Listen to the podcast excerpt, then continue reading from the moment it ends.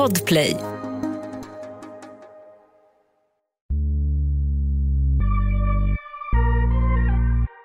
Modeintresse kan leda vem som helst i fördärvet och sluta med att man lägger alldeles för mycket pengar på kläder som sen bara hänger i garderoben utan att användas. Men Ingrid tog det hela ett steg längre. Den uttråkade polisfrun byggde på 50-talet upp en stöldliga som snodde exklusiva kläder för miljoner och som inte åkte fast förrän en dyr bh landade på skrivbordet hos en kriminalkommissarie. Välkommen till ännu ett avsnitt av Misslyckade brott. I den provhytt som Podplay kallar för studio sitter kashmirtröjan Mattias Bergman och smokingbyxan Andreas Utterström. Du såg att jag ville liksom inte vara banlånpolo längre. Jag vill ha något lite dyrare. Nytt avsnitt av podden kommer varje onsdag. Om du inte lyssnar i Podplay-appen, där finns säsongens alla avsnitt redan nu, helt gratis. Kvinnliga brottslingar, det tillhör inte vanligheterna här i misslyckade brott. Och det är inte så konstigt. År 2020 misstänktes enligt Brottsförebyggande rådet 200 000 personer i Sverige för brott. Av dem var enbart 23 procent kvinnor. Och så här ojämnt fördelat är det även på 1950-talet. Även om det finns undantag. Och ett på sin tid mycket omskrivet fall ska vi berätta om i det här avsnittet.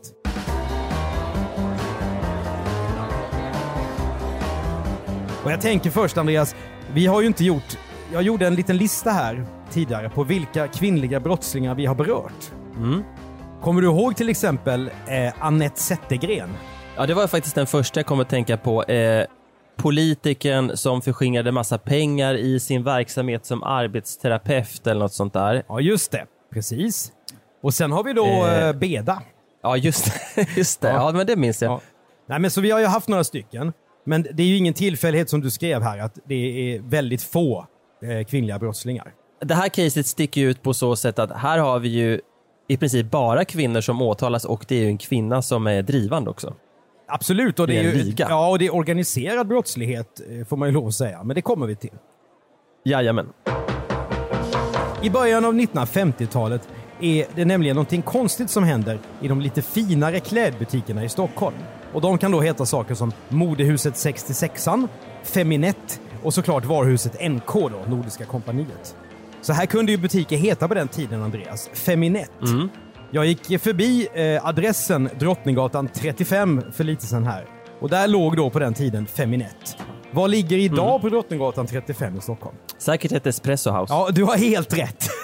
Har jag det? Ja, du har helt rätt. Och det säger ju någonting om hur handeln har utvecklats. För det här är ju en tid när man inte kan handla på nätet såklart, utan man måste helt enkelt gå till ekipering för att köpa sina kläder. Ja. Det ena exklusiva damplagget efter det andra i de här fina butikerna försvinner. Det är som om en osynlig stor dammsugare är där och suger upp singoalla-toppar, swingkjolar, prickiga klänningar och annat som dåtidens kvinnor gillar. Fallet landar på kriminalkommissarie Arvid Urboms bord vid Stockholmspolisen. Jag letade upp en bild på Arvid för övrigt och han ser ut ungefär som skådespelaren Jakob Nordensson kan man säga. Eh, Det kan man ju googla på om man vill se hur han såg ut. Stämmer bra det. Stämmer bra det. Arvid Urbom är inte vem som helst utan en legendarisk polis. Han har bland annat fångat in Sabbatssabotören, som ju är då det märkliga smeknamn som medierna gav en liga som sprängdes i Stockholm under 1940-talet och som vi har berättat om tidigare här i Misslyckade brott. Men nu ligger det alltså ett helt annat fall på Urboms bord. Det gäller stulna kläder till ett värde av miljoner kronor i dagens penningvärde. Ja, en enda butik i Stockholm har blivit av med plagg för vad som idag motsvarar över 800 000 kronor. Så det här handlar inte om några snattande tonåringar eller missbrukare på jakt efter snabba pengar. Nej, det här måste vara organiserat. Så Arvid Urbom tar saken på största allvar. Eftersom det här är långt före övervakningskamerornas tid skickar Arvid nu ut spanare till varuhuset NK och andra drabbade butiker. På den här tiden är de allra flesta poliser män, så kanske går herrarna runt där bland nylonstrumpor och klänningar med smal midja och låtsas att de letar födelsedagspresenter till sina fruar. Men några tjuvar lyckas de inte hitta. Detta trots att Urbom har skjutit till stora resurser. För spanarna går inte bara runt och låtsas vara kunder. Några manliga poliser jobbar undercover som lagerarbetare i de här butikerna. Och vissa kvinnliga kollegor, de får vara expediter. Men detta utan att några som helst resultat kommer. Man ser ju här då att, att det läggs resurser på detta. Det är fantastiskt faktiskt. Och Ja. Det måste, är det redan vid den här tiden en medieuppmärksamhet kring det? Eller är det här innan de börjar skriva?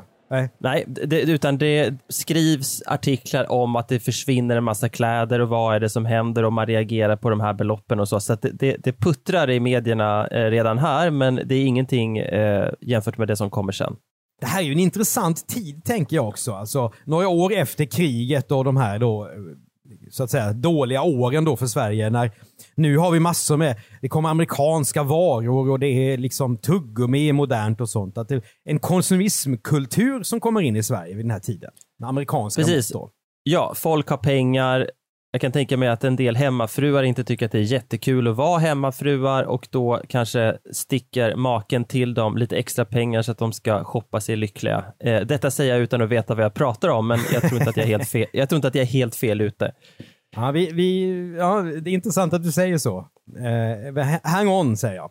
Men först så ska vi lösa det här caset här. Frågan är om det här ska gå eller om det här blir en av de utredningar som måste läggas åt sidan för att annat kommer och måste prioriteras istället. Nej, det kommer att bli napp såklart, annars kan vi inte göra något poddavsnitt. Och det kommer från oväntat håll. Tidningen Historiska brott och mysterier berättar att Arvid Urbom en septembermorgon 1954 får besök på sitt tjänsterum av två spanare. De slänger en elegant bh på hans skrivbord bland alla papper. Urbom tar fram en penna och lyfter lite generat upp plagget. Och vad är nu det här då? Är det något utslag av tidstypisk grabbhumor? Nej, bhn är faktiskt bevismaterial och ett hett spår i jakten på stöldligan. För spanarna berättar nu att de har hittat bhn hos en städerska som bor utanför Stockholm. Och hon säger sig ha köpt den av en bekant. Det visar sig dock att den exklusiva bhn är stulen från Nordiska kompaniet. Och det här är högintressant. För kanske har städerskan köpt sina underkläder från någon som ingår i den liga som polisen misstänker har snott alla de här dyra kläderna de senaste tre åren. Spanarna beger sig nu till NK för lite gammalt hederligt och fruktansvärt tråkigt polisarbete. De börjar med att gå igenom listor över nuvarande och tidigare anställda på varuhuset. Sedan jämför de namnen med de anställda på andra butiker där det också har försvunnit kläder de senaste åren. Och poliserna får napp, för det finns nämligen ett namn som återkommer. En kvinna som har varit anställd i nästan alla de butiker som blivit bestulna. Vid rätt tillfällen dessutom. Och hon heter då Ingrid. Spanarna kan inte tro sina ögon. För de vet nämligen vem Ingrid är. Eller snarare, de vet precis vem hennes make är. Han är nämligen en av deras närmaste kollegor. En kriminalkommissarie på stöldroten i Stockholm. Så nu blir det till att jobba under radarn i polishuset. Ett poddtips från Podplay. I podden Något Kaiko garanterar östgötarna Brutti och jag, Davva, dig en stor dos skratt. Där följer jag pladask för köttätandet igen. Man är lite som en jävla vampyr. Man har fått lite blodsmak och då måste man ha mer. Udda spaningar, fängslande anekdoter och en och annan arg rant. Jag måste ha mitt kaffe på morgonen för annars är jag ingen trevlig människa. Då är du ingen trevlig människa, punkt. Något Kaiko, hör du på Podplay. Därför är gardinerna.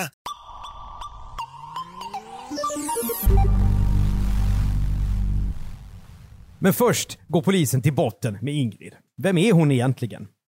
Jo, 1938 flyttar hon som 15-åring från Norrland till Stockholm tillsammans med sina föräldrar. Och redan som 18-åring blir Ingrid gravid, men pappan är inte intresserad av att ta sitt ansvar. Så Ingrid får kämpa med blöjor och sömnlösa nätter på egen hand. Hon jobbar bland annat på ett bageri, något hon senare beskriver som ett riktigt slavgöra.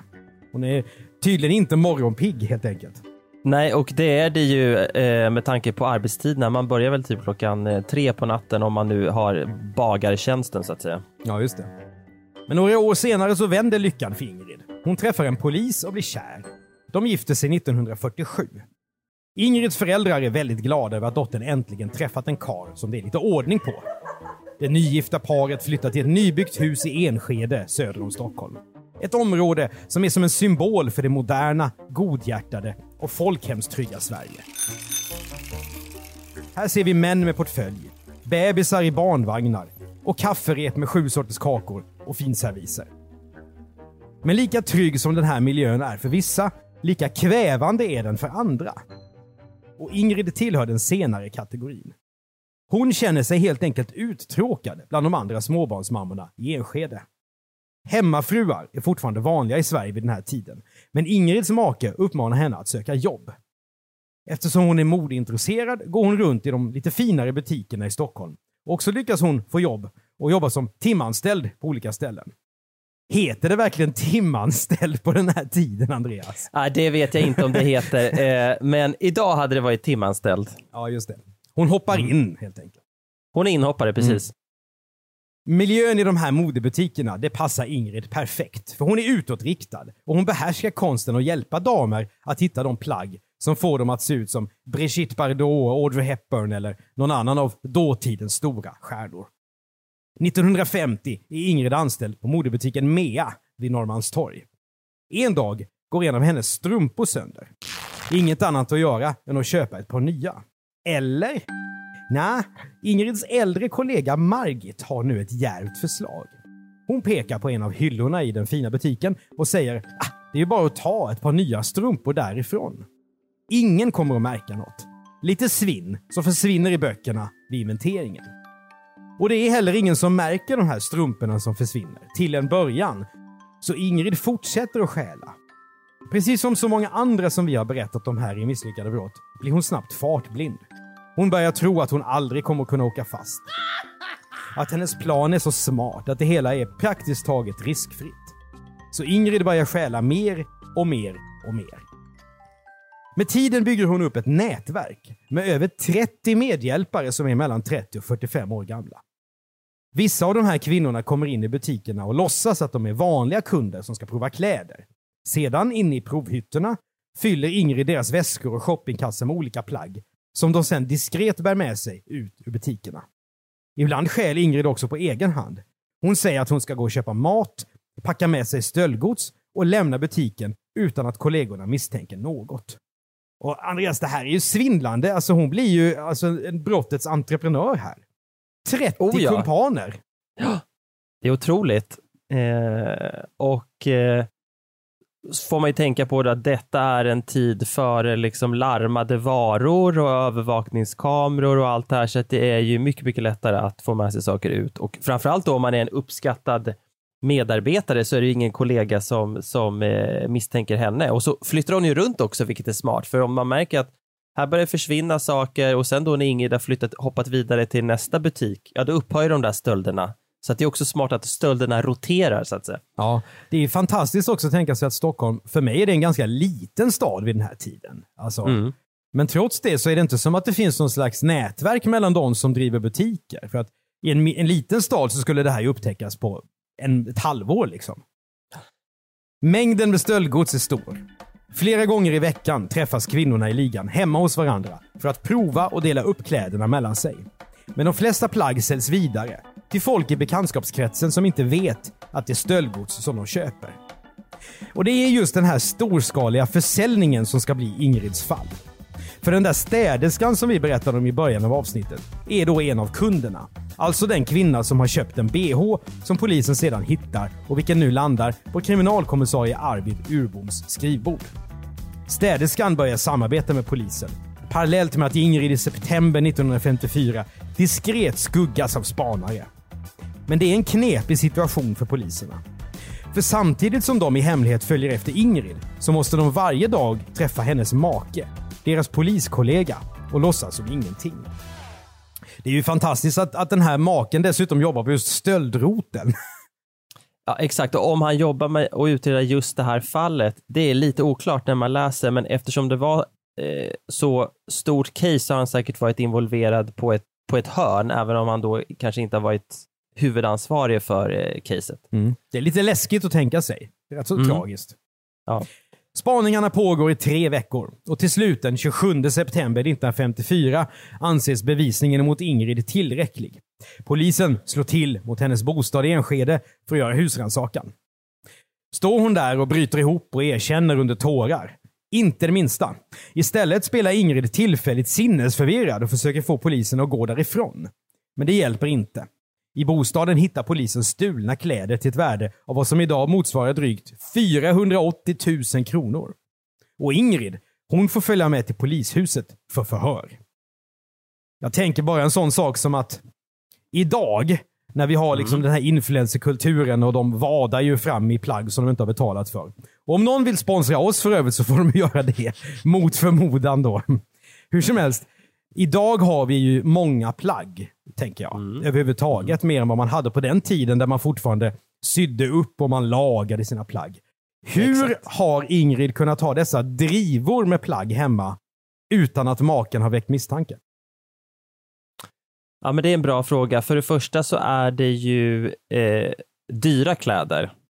Alltså hon jobbar ju på de mest exklusiva butikerna, så att jag vet inte hur, hur stor mängd det egentligen är. Sen kan, sen kan jag tänka mig att hon, hon som ju är den som garanterat har ansvar för eh, hemmet, eh, kan gömma undan de här på ställen där han inte letar. Som är hennes domäner så att säga. Ja, det är faktiskt möjligt. Och sen kan hon ju säkert också säga att eh, de här, jag fick de här gratis eller fick köpa väldigt billigt eh, när jag eh, jobbade på Ja. de och de butikerna. Jag, Ja. jag skulle tro att det är så hon har sagt. Det kan ju också vara så att maken undermedvetet eller omedvetet ändå misstänker att det är något här. Men han är ju faktiskt gift med henne. Det kan vara så att han undviker att ställa, jobb, ställa frågor, ja. Mm. Eh, medvetet eller undermedvetet ska jag säga. Ja. Han kanske har gått igenom en del kval, den här, den här maken. Inte omöjligt. Men det finns ingenting som tyder på att han har misstänkt och det är ju precis det vi kommer till nu i historien. Poddtips från Podplay. I podden Något Kaiko garanterar östgötarna Brutti och jag, Davva, dig en stor dos skratt. Där följer jag pladask för köttätandet igen. Man är lite som en jävla vampyr. Man har fått lite blodsmak och då måste man ha mer. Udda spaningar, fängslande anekdoter och en och annan arg rant. Jag måste ha mitt kaffe på morgonen för annars är jag ingen trevlig människa. Då är du ingen trevlig människa, punkt. Något Kaiko, hör du på Podplay. Därför är gardinerna.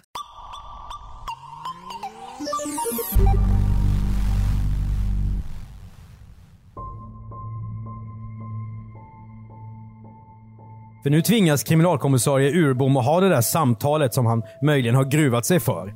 Han måste nämligen eh, ta in och berätta för sin kollega att dennes hustru är misstänkt för att vara spindeln i nätet i en stor stöldliga. Maken reagerar med mycket stor förvåning. Har han själv fått några kläder som kan misstänkas vara stöldgods? Nej.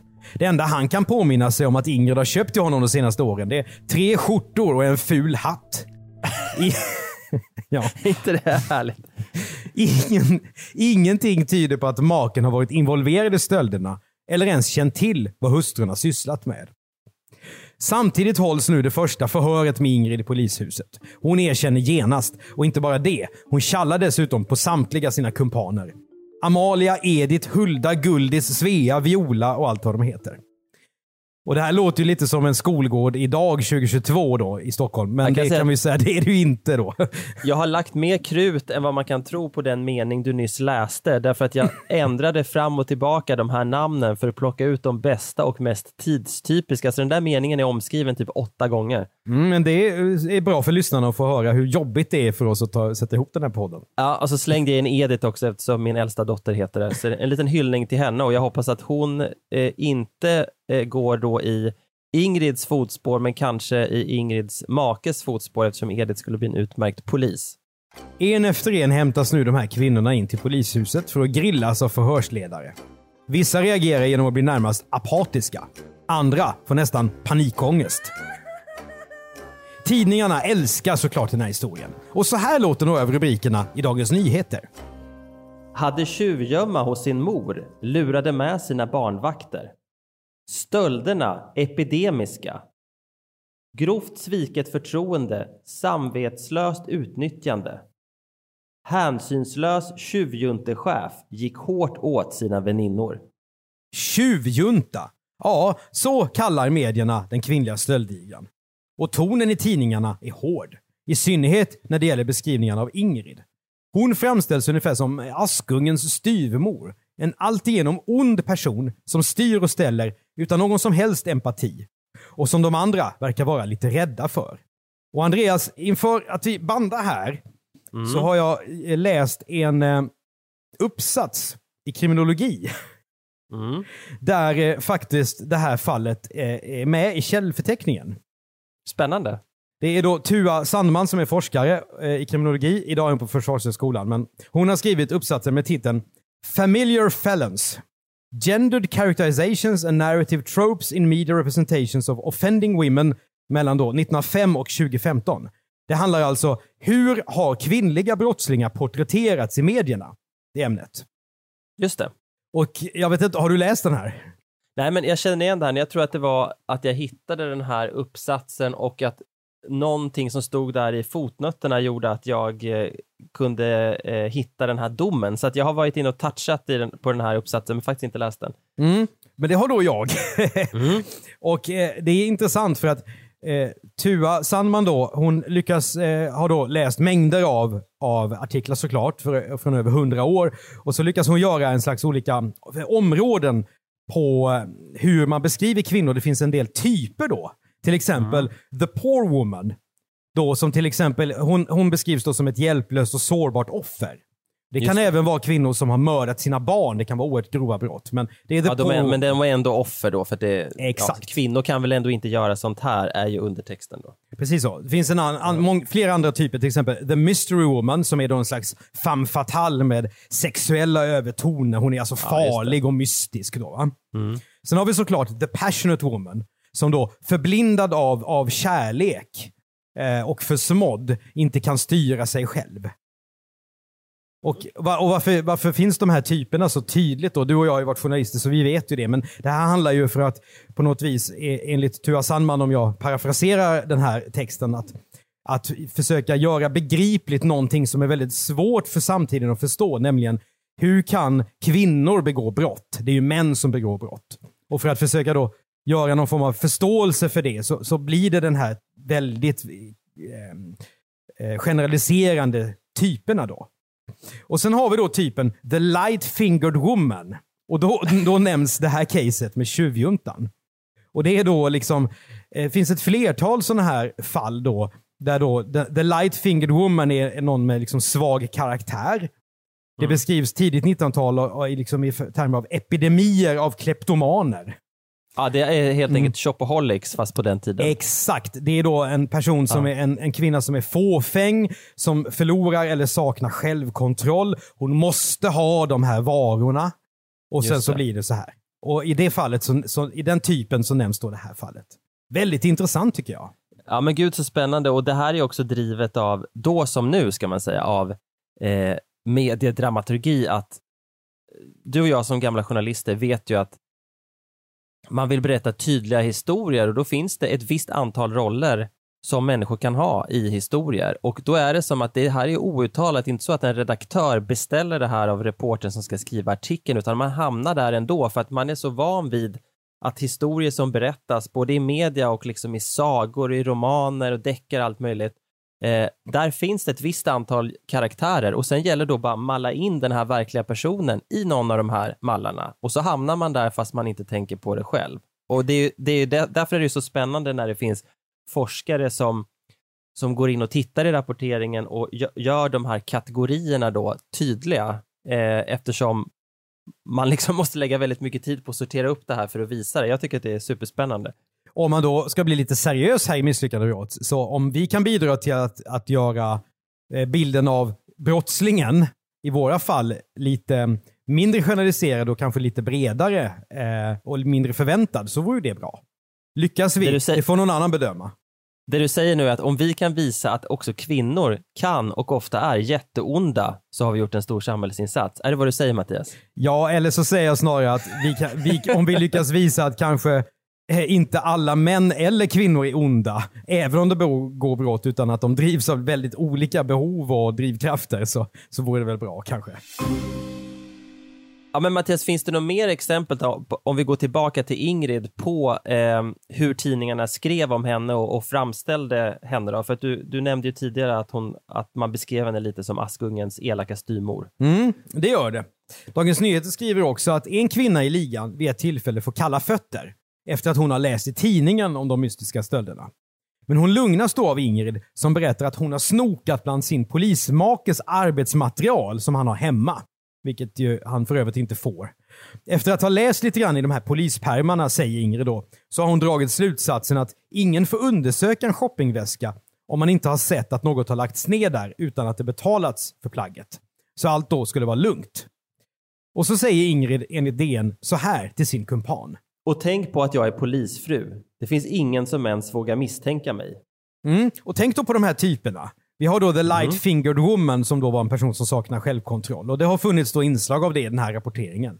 Men här Ja. får vi ju plötsligt bilden av the greedy woman som är en annan typ. Och ingen vet ju om Ingrid har sagt det här, för DN stödjer sig ju på vad eh, någon kumpan har berättat för polisen och kumpanen har såklart eh, ett intresse av att framställa Ingrid i så dålig dager som möjligt eftersom det väntar en rättegång. Det har du rätt i. Och även journalister var inte nödvändigtvis bättre för. Eh, nej.